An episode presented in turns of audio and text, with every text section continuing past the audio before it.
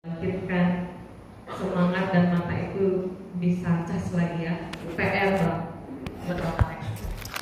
Oke, sesi yang terakhir di malam ini tidak kalah menarik dari sesi-sesi sebelumnya ya tentang bagaimana kita uh, tetap mengerjakan pemuritan yang transformatif dan kontekstual ya.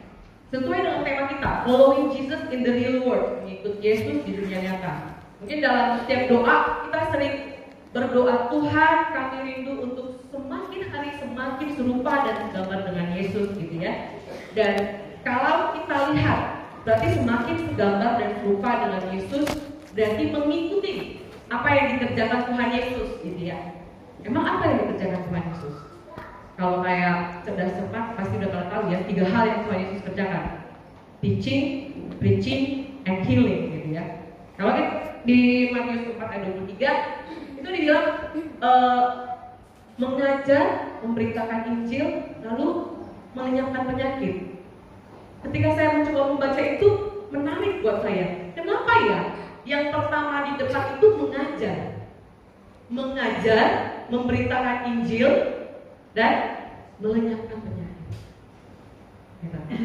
Jadi uh, melanjutkan tadi kalau di sesinya Peter Sanders bilang janganlah kita membiarkan uh, karya keselamatan Kristus itu menjadi seperti cheap grace gitu ya. Menjadi karunia yang murahan.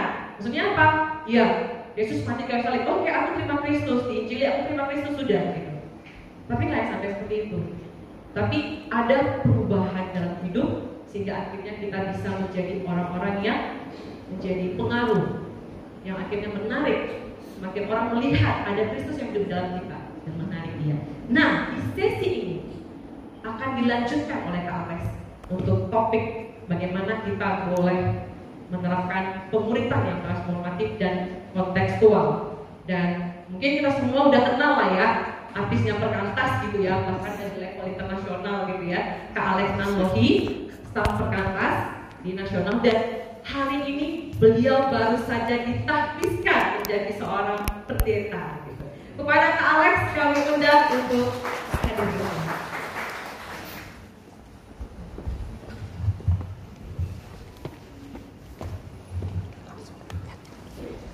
Shalom, selamat malam Bapak Ibu Saudara yang dikasih Tuhan. Ini pelayanan pertama saya setelah pendeta berarti. Satu kehormatan boleh melayani teman-teman di tempat ini.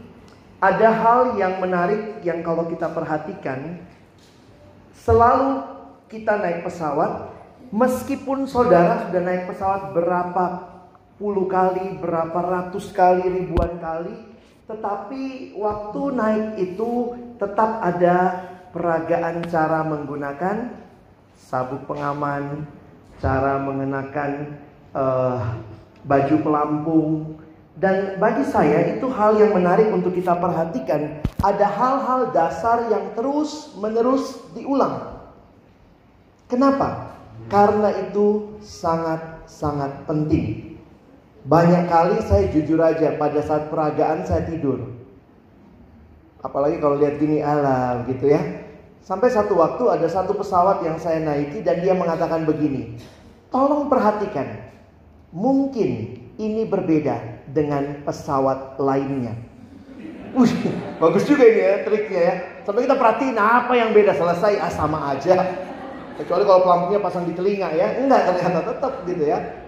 Jadi malam ini ya saya juga sadar ini waktu-waktu sulit ya. Cuma ada dua kemungkinan saudara ya. Saudara tertidur atau saya tertidur. Jadi mari saling menjaga. Mari kita berdoa sebelum kita mulai sesi ini.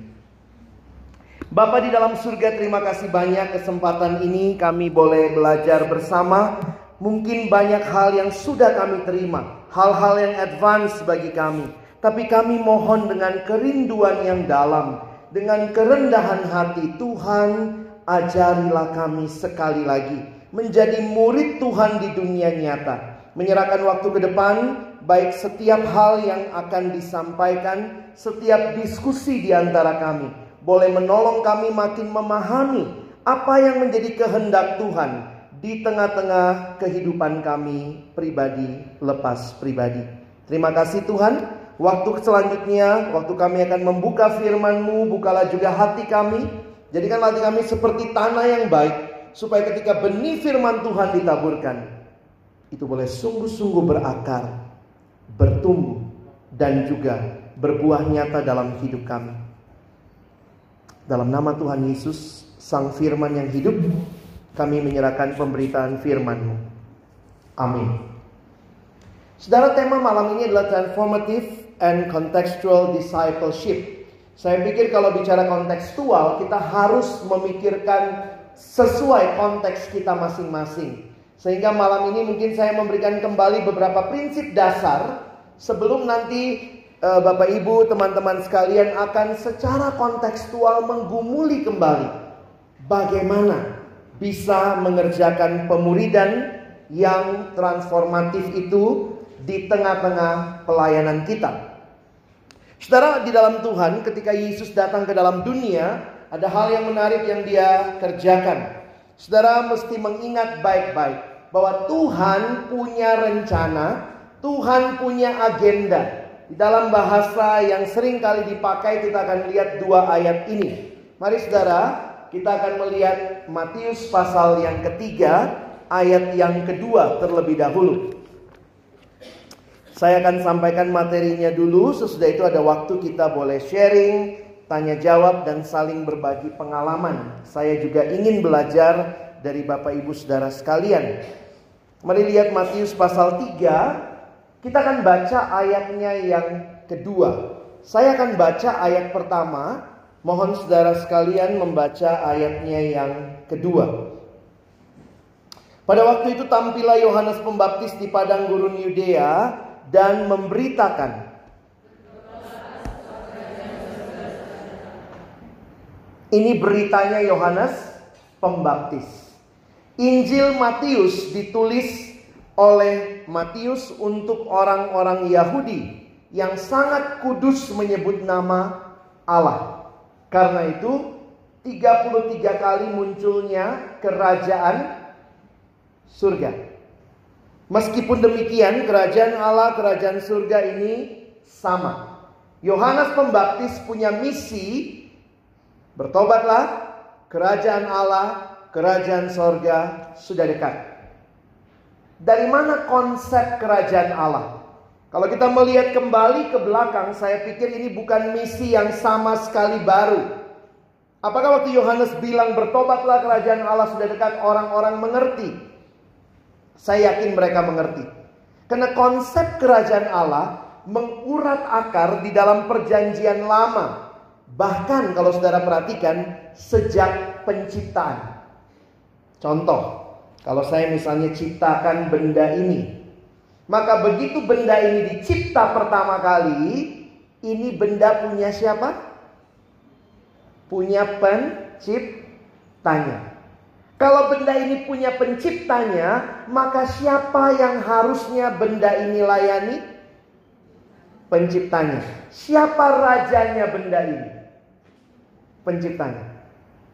Jadi secara sederhana, kalau kita mengerti kerajaan Allah, Allah mendirikan kerajaannya, Dia yang menciptakan segala sesuatu.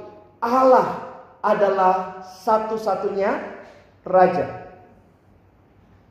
Dan ketika manusia memilih untuk menggantikan raja itu dengan dirinya sendiri, manusia jatuh dalam dosa. Sehingga kalau saudara memang perhatikan menarik sekali dalam perjanjian lama bagaimana Israel tidak punya raja. Sampai mereka waktu itu ada Musa, habis Musa Yosua, habis Yosua masuk masa hakim-hakim, setelah masa hakim-hakim baru mulai masuk masa raja-raja. Waktu itu Samuel datang sama Tuhan. Lalu Samuel bilang bangsa ini minta raja. Terus kemudian kayaknya Tuhan ngebaca nih. Samuel kayaknya pembela banget ya. Tuhan kira-kira ngomong begini sama Samuel. Samuel please kamu jangan baper. Bukan kamu yang ditolak. Aku yang mereka tolak. Sehingga sejak itu Israel punya raja. Tuhan sudah ingatkan, ingat kalau punya raja, raja minta apa saja kamu harus kasih. Jadi mulai Israel punya raja. Dan kita melihat sejarah raja-rajanya, pernah saat teduh dari raja-raja dari Tawarik, raja ini makin jahat, tambah jahat, mati. Keturunannya yang ganti lebih jahat, lebih jahat sampai semuanya sangat jahat.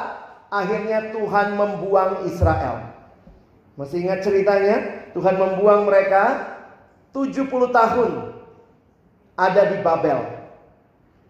Dan sejak pulang dari Babel, tidak ada raja. Betul? Israel tidak punya raja. Ada yang namanya Herodes, tapi itu raja yang diangkat pemerintah Romawi. Yang waktu itu atau raja yang dikukuhkan pemerintah Romawi, bahkan Herodesnya kemungkinan besar hampir pasti bukan orang Yahudi. Tetapi pemerintah Romawi dalam deal dengan orang-orang Yahudi melalui Raja Herodes. Jadi kalau kita lihat, sejak pulang dari pembuangan tidak ada raja. Bayangkan Bapak Ibu Saudara sekalian, awal dari pemberitaannya Yohanes Pembaptis tiba-tiba ngomong, "Bertobatlah, kerajaan Allah sudah dekat." Sekian lama tidak dengar tentang Allah jadi raja. Ini bicara kerajaan yang datang, bukan kerajaan fisik seperti yang mereka nantikan. Mereka harapnya Yesus itu revolusioner ya, membalikkan pemerintahan Roma. Jadi bayangkan Bapak Ibu Saudara sekalian, Yohanes Pembaptis datang lalu bilang begini, bertobatlah, kerajaan sorga sudah dekat. Coba lihat Yesus, Matius 4 ayat 17. Matius 4 ayat 17. Mari kita baca, saya baca 12 13, Bapak Ibu Saudara langsung 17 ya. Saya baca 12 13, Bapak Ibu langsung 17. Tetapi waktu Yohanes eh, waktu Yesus mendengar bahwa Yohanes telah ditangkap, menyingkirlah ia ke Galilea, ia meninggalkan Nazaret dan diam di Kapernaum di tepi danau di daerah Sebulon dan Naftali 17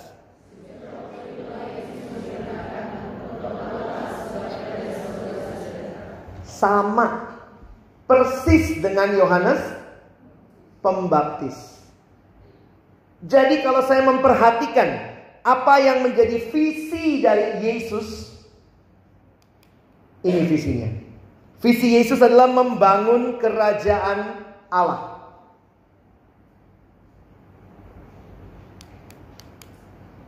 Apa artinya kerajaan Allah? Secara sederhana bisa didefinisikan Allah adalah satu-satunya raja yang berkuasa penuh dan memerintah data seluruh ciptaannya. Kenapa saya harus mulai dari pembahasan kerajaan Allah? Karena ini misinya Yesus. Misi Yesus membangun kerajaan Allah. Dan perhatikan bagaimana untuk menjalankan misi ini. Yesus melakukan bagiannya. Di dalam Alkitab ada dua kata penting yang menarik. Pertama penciptaan. Tadi kita udah belajar ya. Kalau ini dicipta berarti ini punya pencipta. Istilah kedua yang besar di Alkitab, istilah penebusan. Perhatikan istilah kedua ini. Penebusan itu punya konsep yang menarik. Kalau ada sebuah benda terjual, tergadai, apa artinya menebus? dibayarkan sejumlah uang atau ditukar dengan barang lain, pokoknya benda yang terjual tergadai itu ditebus kembali jadi milik. Menarik saudara, dalam konsep penciptaan, kalau dicipta ini milik pencipta. Di dalam penebusan, kalau ditebus ini kembali jadi milik penebus. Dalam konsep cipta dan tebus, dua-duanya ada konsep kepemilikan. Jadi kalau Bapak Ibu Saudara mengerti dengan jelas apa misinya Yesus, dia datang supaya mengembalikan milik Allah, dia tebus menjadi milik kepunyaan Allah kembali. Banyak orang lupa tugas dan tujuan Yesus datang ke dalam dunia. Bukan cuma menyelamatkan manusia dari dosa titik, tapi supaya yang diselamatkan dari dosa itu kembali jadi milik Allah, hidup merajakan di situ ya. Hidup kembali merajakan Yesus sebagai satu-satunya Tuhan dan juru selamat. Keselamatan bukan akhir kehidupan Kristen. Saya pikir dari sesi-sesi kalau lihat overlappingnya kami kayaknya para pembicara bakal sama. Jadi murid itu adalah panggilan kita di tengah-tengah kita hadir sebagai orang-orang yang melanjutkan misi Yesus. Nah, yang menarik begini, bagaimana Yesus membangun kerajaannya? Kalau dalam benaknya adalah membangun kerajaan Allah. Ada buku yang pernah saya baca tanya begini, bagaimana cara makan gajah? Ada Pak Bebe udah pernah makan gajah? Gajah kok makan gajah. Ada yang pernah makan gajah? Caranya gimana? Ya dia dimatiin dulu gitu ya. Terus dimasak dulu. Tapi buku itu kasih penjelasan sederhananya begini. Cara makan gajah adalah sesendok demi sesendok. Ya makanya gitu ya. Ada yang bisa langsung telan gajah? Lebih gajah saudara berarti. Kita makannya itu sesendok demi sesendok. Karena itu menarik sekali memperhatikan konsep di dalam Injil Matius. Perhatikan Matius 4 ayat 18. Baca judulnya saja. Yesus memanggil murid-murid yang pertama. Jadi bagaimana Yesus membangun kerajaannya? Sesendok demi sesendok. Yesus itu kayaknya kurang bagus strategi marketingnya ya. Cuman 12 orang lagi awalnya. Sedikit banget. Yang mau dibangun kerajaan Allah. Sehingga saya menyimpulkan ini. Visi kerajaan Allah dicapai melalui pemuridan. Satu waktu saya terima undangan dari kampus di Bogor. Bisa tebak kampusnya ya. Tit gitu ya. Kampus ini kirim undangan. Bang bisa nggak jadi pembicara? Lalu kemudian waktu mereka kirim undangan, saya kaget waktu lihat judulnya. Karena dia cuma bilang gini, Bang ini tentang kelompok kecil ya. Nah biasa kan kampus kalau bikin judul bombastis ya. Dia kasih judul. Kelompok kecil yang mengubah bangsa dan negara. Hih, kelompok kecil mengubah bangsa dan negara. Tapi Bapak Ibu Saudara waktu saya persiapan, saya yang bertobat. Ini bukan hanya mengubah bangsa dan negara, ini mengubah dunia. Perhatikan baik-baik. Yesus membangun kerajaannya dengan membangun murid-murid dalam jumlah kelompok yang kecil. Saudara dan saya mirip Yesus enggak ya? Kalau kita betul sedang membangun kerajaan Allah, maka Yesus membangun kerajaannya dengan cara memanggil murid-muridnya. Kalau begitu kalau saya boleh balik. Tanpa murid sebenarnya tidak ada kerajaan Allah yang dibangun. Tanpa murid tidak ada kerajaan Allah yang dibangun. Saya harap ini menjadi visi kita. Kadang-kadang kita mulai dengan visi pemuridan. Tapi saya tarik lebih atas lagi. Lihatlah ini visi kerajaan Allah. Saya bilang sama adik-adik, banggalah kau jadi PKK di kampus, pemimpin kelompok kecil, pemimpin KTB. Banggalah karena anak sekarang ini di kampus sibuk ngejar CV. Supaya apa yang kelihatan di CV-nya nanti? Ikut seminar apa aja, ikut seminar apa. Saya bilang tulis di situ pengalaman organisasi membangun kerajaan Allah. Bingung kali nanti dokter yang wawancara kamu. Wow. Bangga dong. Kita merasa misi kita itu terlalu receh kata anak sekarang. Ece-ece. Ya, apa apa kerjamu di kampus pimpin kelompok, ha? Rasanya kurang wah. Yesus kalau kita nilai dari situ receh juga ya. Datang tiga tahun mimpin kelompok. Ih, pernah nggak Yesus KKR? Pernah Bapak Ibu ya? 5000 orang loh. Saya waktu baca KKR Yesus 5000 orang sampai orang lupa makan. Sampai muridnya bilang, Tuhan udah sore suruh pulang. Kita kalau dengar khotbah, saya kadang suka mikir ya. Kalau kita dengar khotbah, lupa makan atau kapan makannya? Kapan berhenti dia? Kapan berhenti dia? Kapan makannya? Ini mereka sampai lupa makan. Pasti Yesus sangat menarik khotbahnya. Tapi bagi saya yang menarik adalah Yesus fokus kepada pemuridan. Kerajaan Allah dibangun melalui hadirnya para murid. Sehingga ketika pelayanan perkantas, secara khusus kita mengatakan kita mengikut Kristus. Saya pikir discipleship bahkan sampai sudah dokter, spesialis, mungkin sudah studi lebih jauh lagi, ingat baik-baik. Ini hal dasar panggilan kita. Tidak ada yang terlalu expert dalam hal ini. Mungkin di dunia kita bisa wisuda S1, S2, spesialis di sumpah dan segala macam begitu ya. Bisa semuanya, tetapi ini mata kuliah yang gak ada habisnya. SKS-nya. Mata kuliah jadi murid. Wisudanya di mana? Di sana. Ada yang mau wisuda duluan? Titip salam. Pertama, visi pemuridan.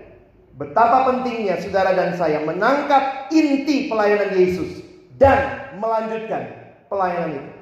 Yang kedua, kita akan bicara identitas sebentar. Kadang-kadang saya bilang di camp-camp saya suka cerita ya sedih juga gitu. Kalau film Indonesia itu banyak yang lupa diri, lupa identitas. Memang paling ngeri orang lupa diri itu ya. Kalau film Indonesia kan begitu mau apa mau dipanjang-panjangin jatuh, hilang ingatan. Tuh dokter-dokter masuk lah di sinetron-sinetron itu ya. Lu hilang ingatan, aku siapa? Aku siapa gitu ya. Kesel banget. Pernah sekali yang apa itu? Putri yang tertukar. Saya pas pulang mbak saya di rumah yang waktu itu ya kan udah lama itu. Dia lagi nonton Putri yang tertukar. Terus waktu saya li lihat begini, ya ampun, udah episode 400 sekian. Ini bukan putrinya yang ketukar, opungnya itu. Lama amat ketukar ya. Yang saya pikir kenapa sih tukar-tukar begitu? Saya langsung ingat, kenapa nggak bawa KTP?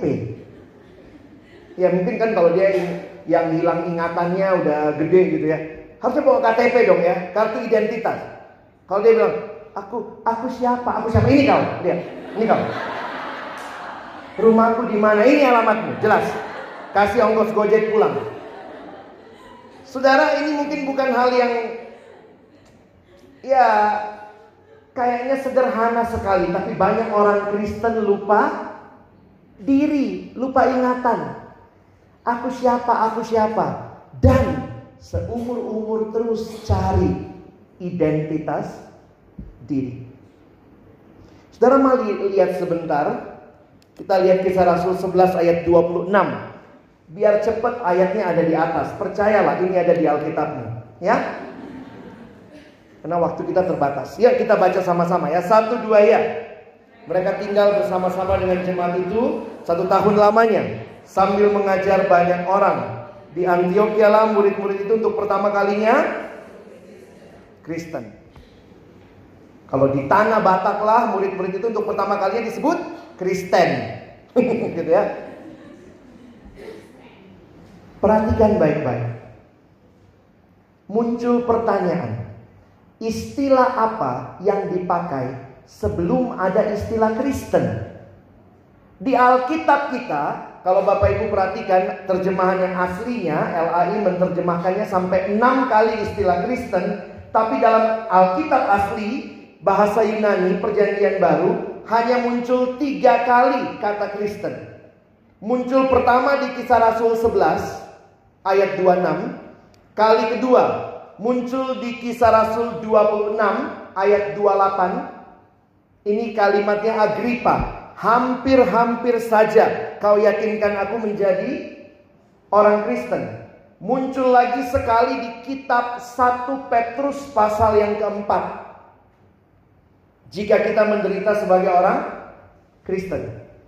Perhatikan, cuma muncul tiga kali dan bahkan tidak muncul di tulisan Paulus, tidak muncul di kitab Injil. Kenapa?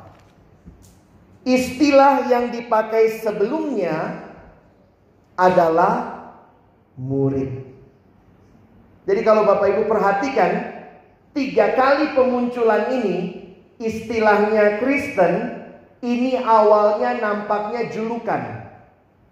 Mereka nampaknya dibully dengan nama itu. Karena mirip Kristus, jadi Kristian. Kira-kira gitu ya. Yang mirip kayak Gus Dur namanya Gus Durian. Saya kalau geli kalau tiap kali dengar itu ya. Tapi kan ian-ian itu menunjukkan kemiripan. Nah yang menarik kalau kita perhatikan, kenapa istilah Christian? Seorang penafsir yang saya baca, ya namanya John Stott, salah satu favorit saya, dia bilang begini, perhatikan baik-baik, nampaknya yang menonjol dari orang-orang ini adalah bagaimana mereka hidup under the lordship of Christ. Makanya bukan Yesusian, ya. Misalnya kan namanya itu muridnya Yesusian, bukan. Tetapi Christian. Christ, Messiah, the Lord. Kerajaan Allah, dia sebagai raja kelihatan benar dari hidup mereka. Sayangnya sekarang ini, sorry to say ya, sekarang ini orang rancu dengan dua istilah ini. Murid dan Kristen. Padahal murid itu Kristen. Kristen itu murid. Di banyak gereja ditanya, oh Kristen ya? Iya. Di kampus juga, oh Kristen ya? Iya. Mau ikut pemuridan. Seolah-olah pemuridan kita hanya salah satu opsi dari seorang murid. Are you a Christian? Yes. You want to join a discipleship group? Karena di dalam banyak hal secara tidak sadar pemuridan kelompok kecil sudah menjadi program bukan lagi hidup. Bukan lagi lifestyle. Dan ini yang saya pikir harus kita ingat. Identitas sebagai murid Kristus. Bapak Ibu bisa spesialis bisa doktor, bahkan bisa profesor, but you are still a disciple.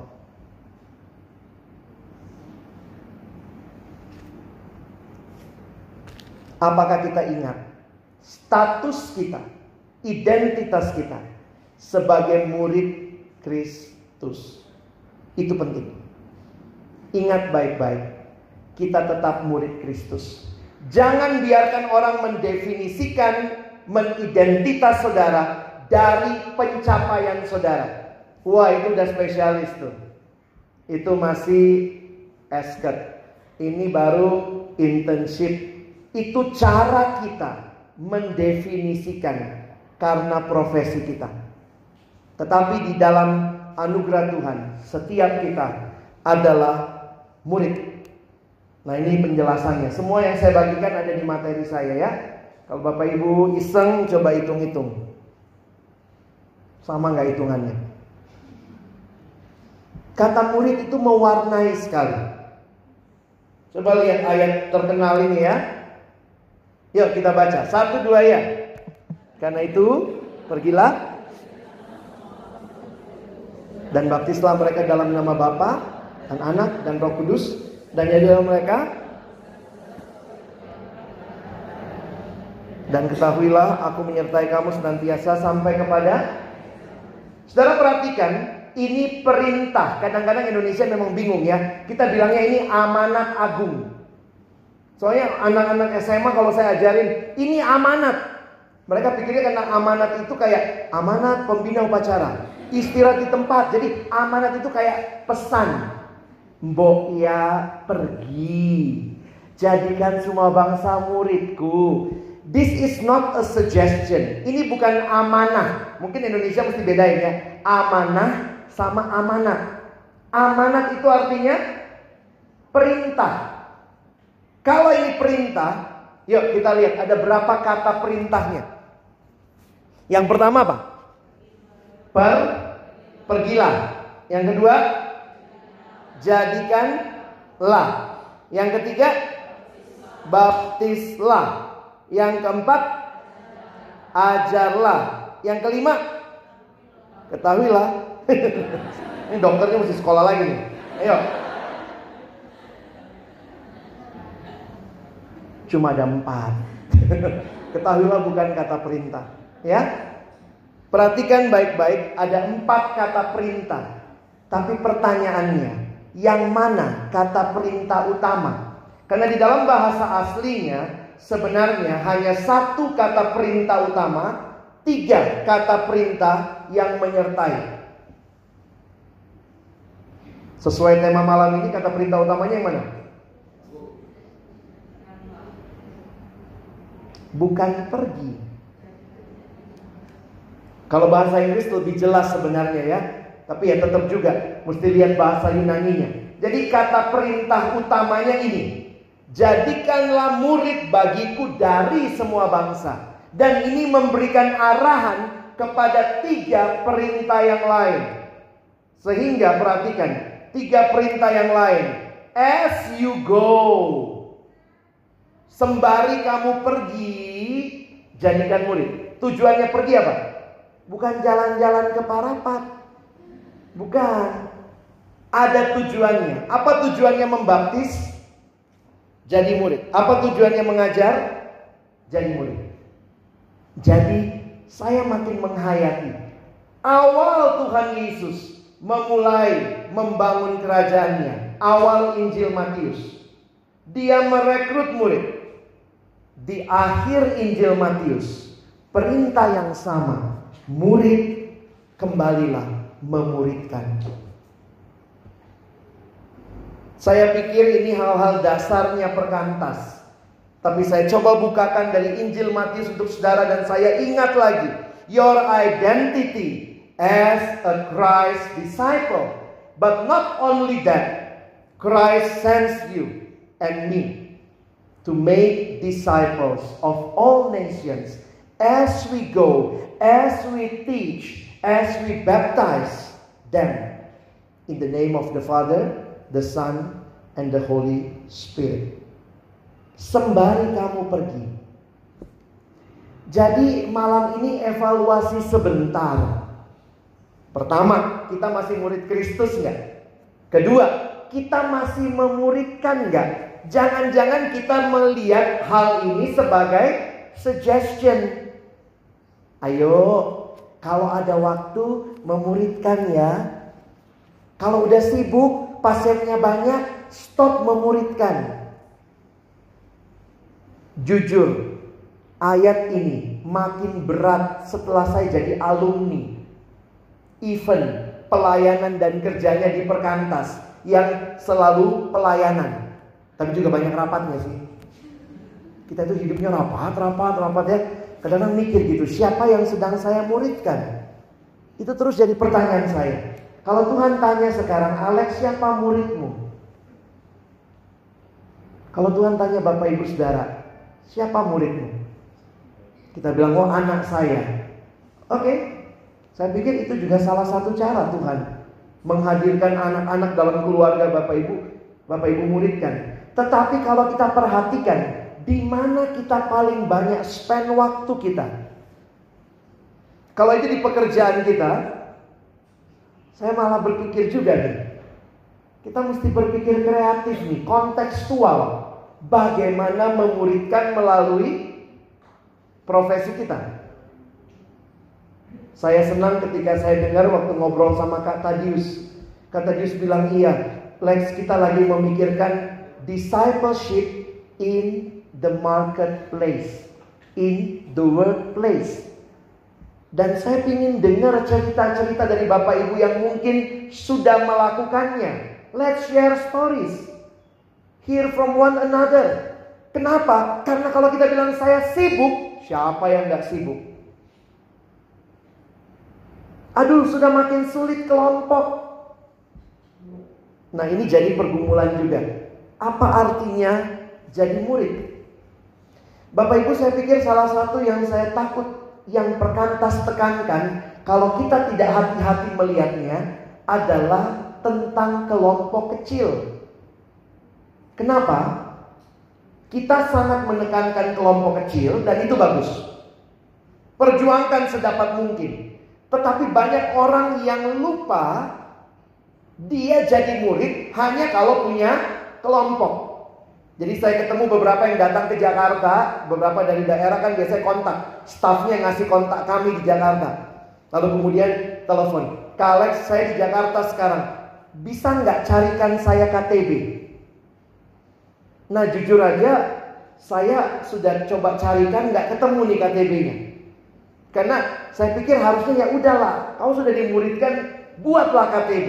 Jangan minta lagi, carikan saya KTB.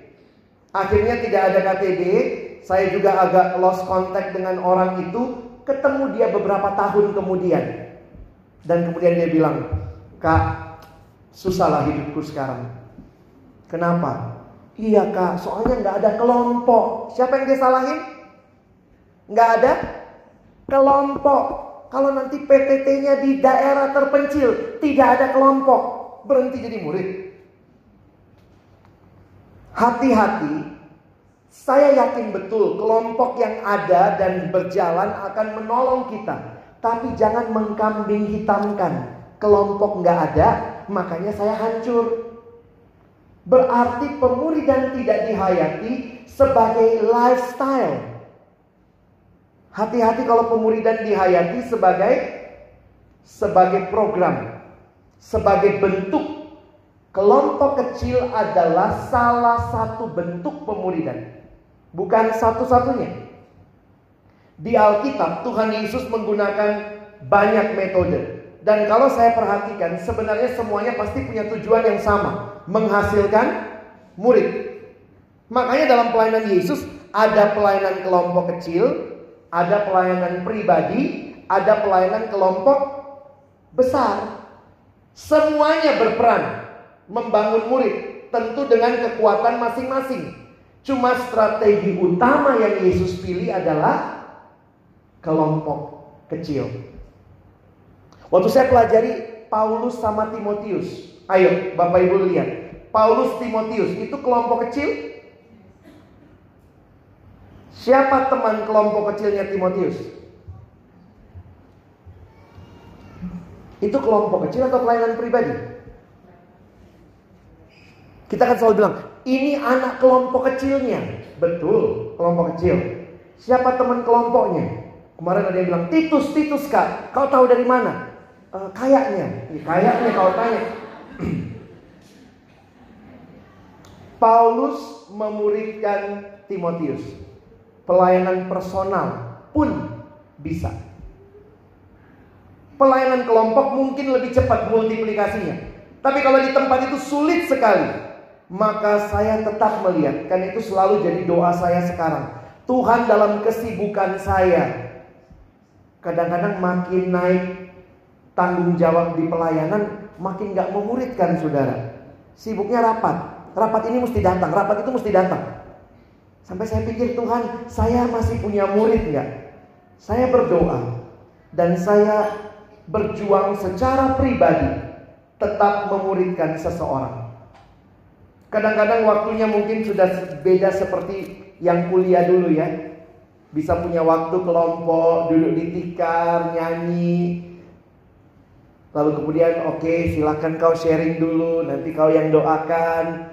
Tapi seiring berjalannya waktu saya secara pribadi memuridkan melalui pelayanan pribadi. Saya setting setiap bulan akan ketemu orang ini. Saya akan memantau pertumbuhannya. Saya akan berdoa bagi dia. Pemuridan itu dinamis. Jangan berhenti jadi murid karena nggak ada kelompok dan jangan berhenti memuridkan hanya karena tidak ada kelompok. Itu yang saya coba pahami secara kontekstual. We can still be a disciple even we have small group or not. And we can still make disciples even you have no small group. Karena pelayanan pribadi cara Tuhan juga menghasilkan murid. Mungkin saya berhenti sampai di situ. Setelah ini kita bisa discuss. Thank you.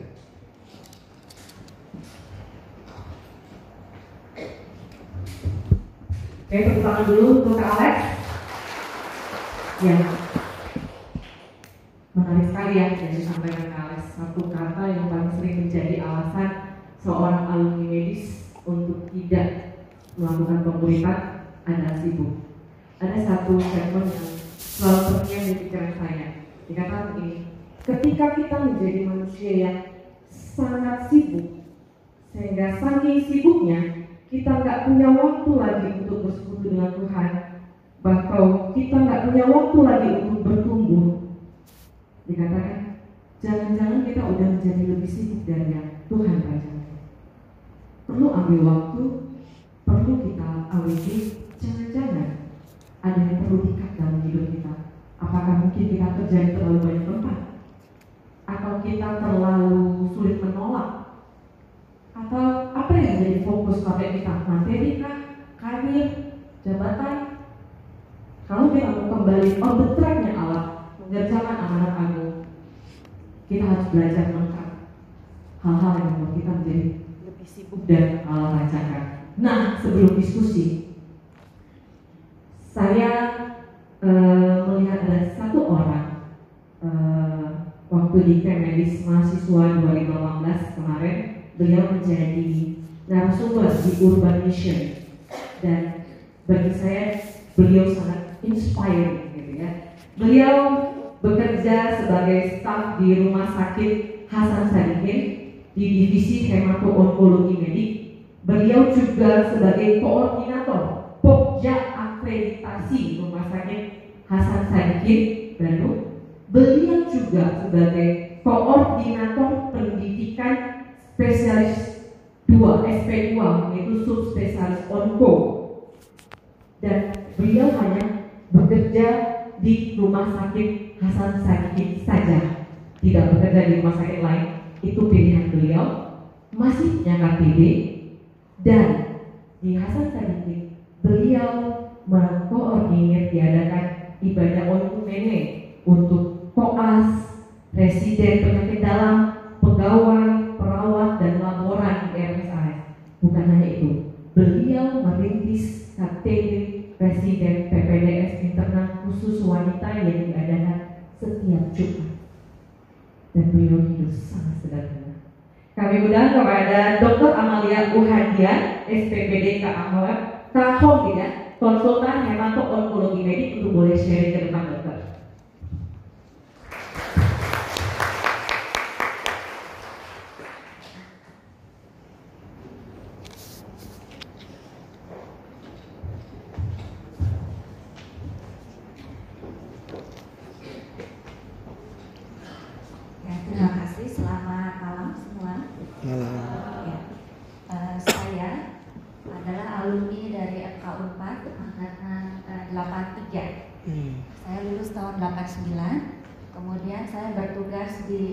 langsung pegawai negeri. Oh, iya.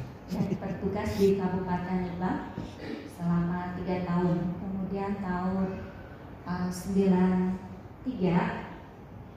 uh, saya menjalani pendidikan penyakit dalam hmm. sampai tahun 98 dan saya kembali ditugaskan di Rumah Sakit Majalengka. Uh, selama mahasiswa saya ikut uh, persekutuan mahasiswa dulu dari navigator. Navigator ya. Navigator dan uh, saya dimuridkan dan saya juga mempunyai beberapa murid. Hmm. Tapi setelah saya tugas di puskesmas, kemudian saya pendidikan dan lulus penyakit dalam, saya berhenti, tidak memuridkan kembali. Hmm. Kemudian tahun 2001 uh, saya mendapat panggilan dari Rumah Sakit Hasan Sadikin karena mereka memerlukan staf di divisi hemato onko. Ada yang kenal divisi hemato onko? Ya untuk di dan kata dulu sama sekali tidak ada yang berminat. Karena satu katanya belajarnya susah, nanti kan pasiennya juga uh, pada meninggal. katanya, jadi karena dia merawat layanan darah dan pasien kanker. Hmm. Uh, waktu itu saya mempertimbangkan saya menerima karena saya ingin uh, saya kembali. Waktu saya tidak ke Majalengka anak saya saya tinggal di Bandung. Hmm. karena di Majalengka tidak ada sekolah yang baik. Itu dia masih TK. Jadi saya ke Bandung supaya saya bisa uh, bersama anak saya. Uh, jadi kalau saya hitung, kira-kira saya di Hasan Sadikin itu hampir 30 tahun ya sampai wow. sekarang. Kem, uh, setelah lulus penyakit, uh, eh, konsultan rumah saya menjadi staff sampai sekarang. Uh, itu pekerjaan saya di Hasan Sadikin.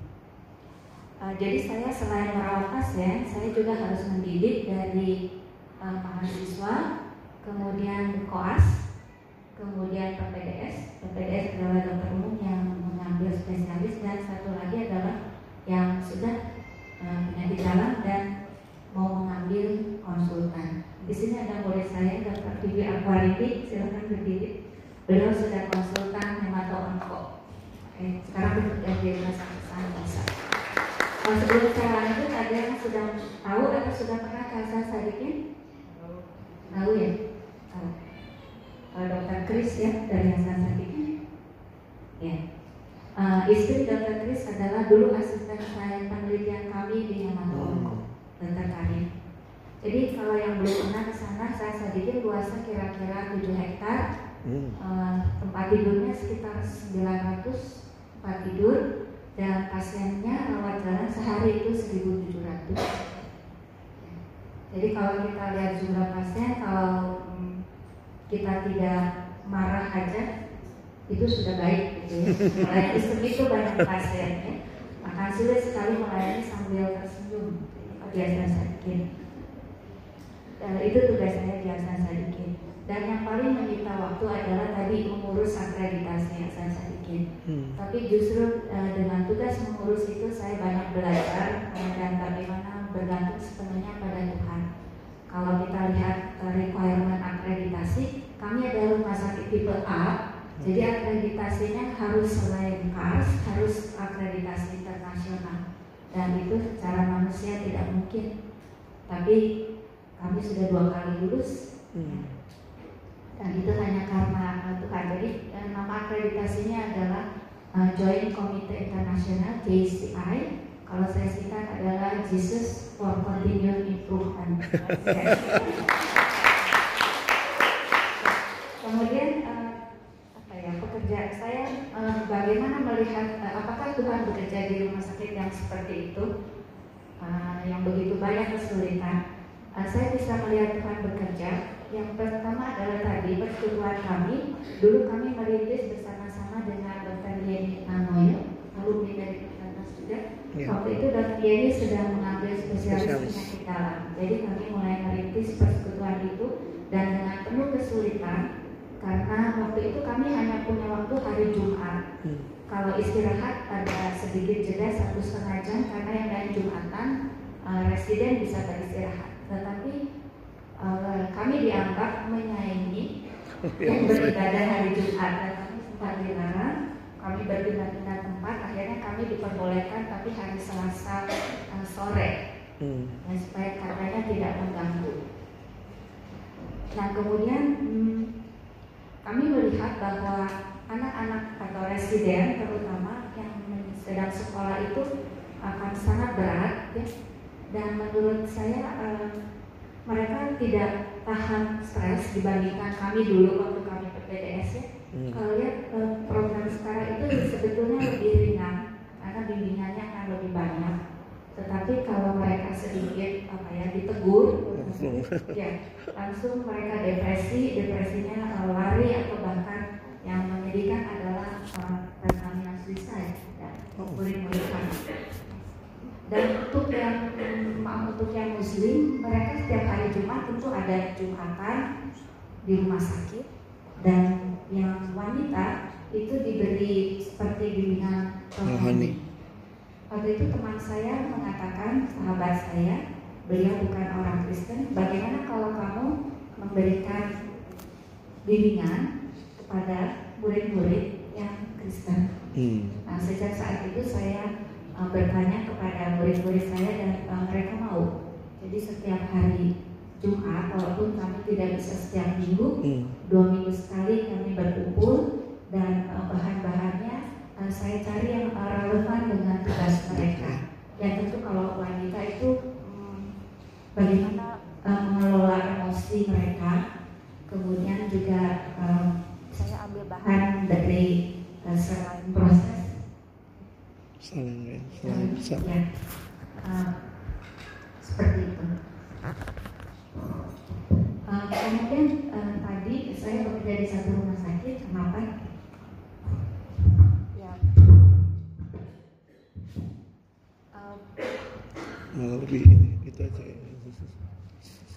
Agak angkat dok. Uh, sebetulnya saya masih praktek sore, tapi saya hanya praktek sore juga di uh, klinik uh, cuma hari Senin dan Jumat. Kalau rumah sakitnya memang cuma satu, karena uh, kalau sebetulnya jam kerja pegawai negeri kalau kita mau jujur adalah dari jam 7 sampai jam 4 sore. Jadi kalau uh, saya mau kerja di rumah sakit lain adalah harusnya di luar jam itu. Itu adalah aturan yang benar. Tetapi memang uh, banyak yang tidak seperti itu. Jadi di tengah-tengah mereka bisa ke rumah sakit yang lain atau pagi-pagi ke rumah sakit yang lain. Dan uh, ke rumah sakit asal sadikin lebih siang kenapa saya hanya di satu tempat karena saya ingin visit pasien itu pagi-pagi. Kalau ada yang pernah baca otak kita itu berfungsi paling baik 100% adalah jam 4 sampai jam 6 pagi katanya ya.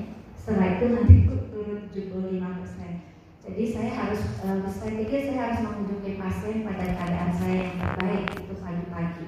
Kalau saya pegang rumah sakit lain, saya bisa mengorbankan pasien di Hasan Sadikin atau saya bisa mengorbankan pasien di rumah sakit lain. Uh, tentu ini ada banyak tantangan, banyak tawaran untuk bekerja di rumah sakit lain yang lebih nyaman dan tentu pasti gajinya lebih besar. Ya. Kemudian tantangan yang kedua adalah saya melihat teman-teman saya bisa melakukan uh, namanya pantong visit pantong itu jadi ya, kalau kita tidak betul-betul ya? Hmm, kami punya absensi online jadi seharusnya uh, saya datang setelah periksa pasien saya klik dengan password saya saya visit.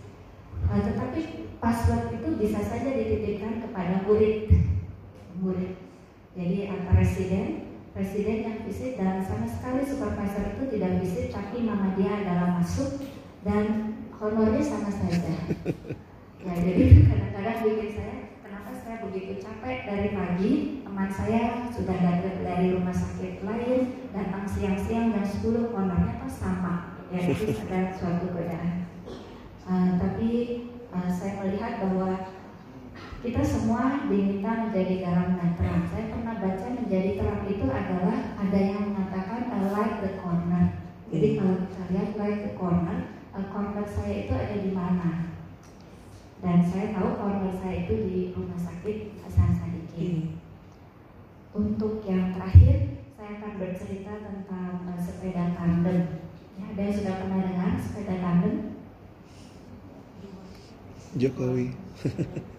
Jokowi sama istrinya. Jokowi dengan istrinya, nah, bukan. Jadi ini ada sepeda tandem. Uh, sepeda tandem itu kan ber berdua dan yang memegang kendali adalah di depan. Yang di belakang memang ada kemudinya, tapi kita tidak bisa belok-belok kalau kita di belakang. Dikatakan ada sebuah cerita. Pada waktu saat kita mulai ikut Tuhan, kita yang di depan, Tuhan di belakang. Kita kita bilang ke Tuhan, Tuhan saya mau ke kanan ya, aku ikut ya. Saya mau ke kiri, tapi pada saat tertentu, pada saat kita menyerahkan hidup kita, akan tukar tempat Tuhan Yesus yang di depan, saya yang di belakang. Dan ternyata saya baru tahu Tuhan Yesus itu pintar naik sepeda. Jadi dia bisa turun gunung, bisa naik gunung, lewat yang berbatu-batu, belok kanan, belok kiri. Dan uh, apa yang bisa saya lakukan? Saya hanya yang saya lakukan tentu berpegangan, tapi saya tidak boleh gelisah, tidak boleh kiri kanan karena satu uh, tidak ada gunanya dan uh, Tuhan Yesus itu pintar naik sepeda dan uh, kadang-kadang saya tanya Tuhan ini mau belok ke mana sih? Saya tidak tahu. Uh, Tuhan kadang-kadang tidak menjawab. Dia cuma lihat ke belakang dia tersenyum dan bilang uh, kayu saja. Jadi ada saat-saat di rumah sakit Hasan Sadikin kalau saya mau bangun pagi saya sudah bilang Tuhan uh, saya tidak sanggup. Hari ini saya harus habis ide banyak sekali pekerjaan saya. Tapi Tuhan akan bilang kayu saja. Dan saya tahu kalau Tuhan bilang kayu saja itu bukan saya diam di rumah. Saya harus berangkat pagi dan uh, mulai visit dan mulai pekerjaan saya. Terima kasih. Terima kasih.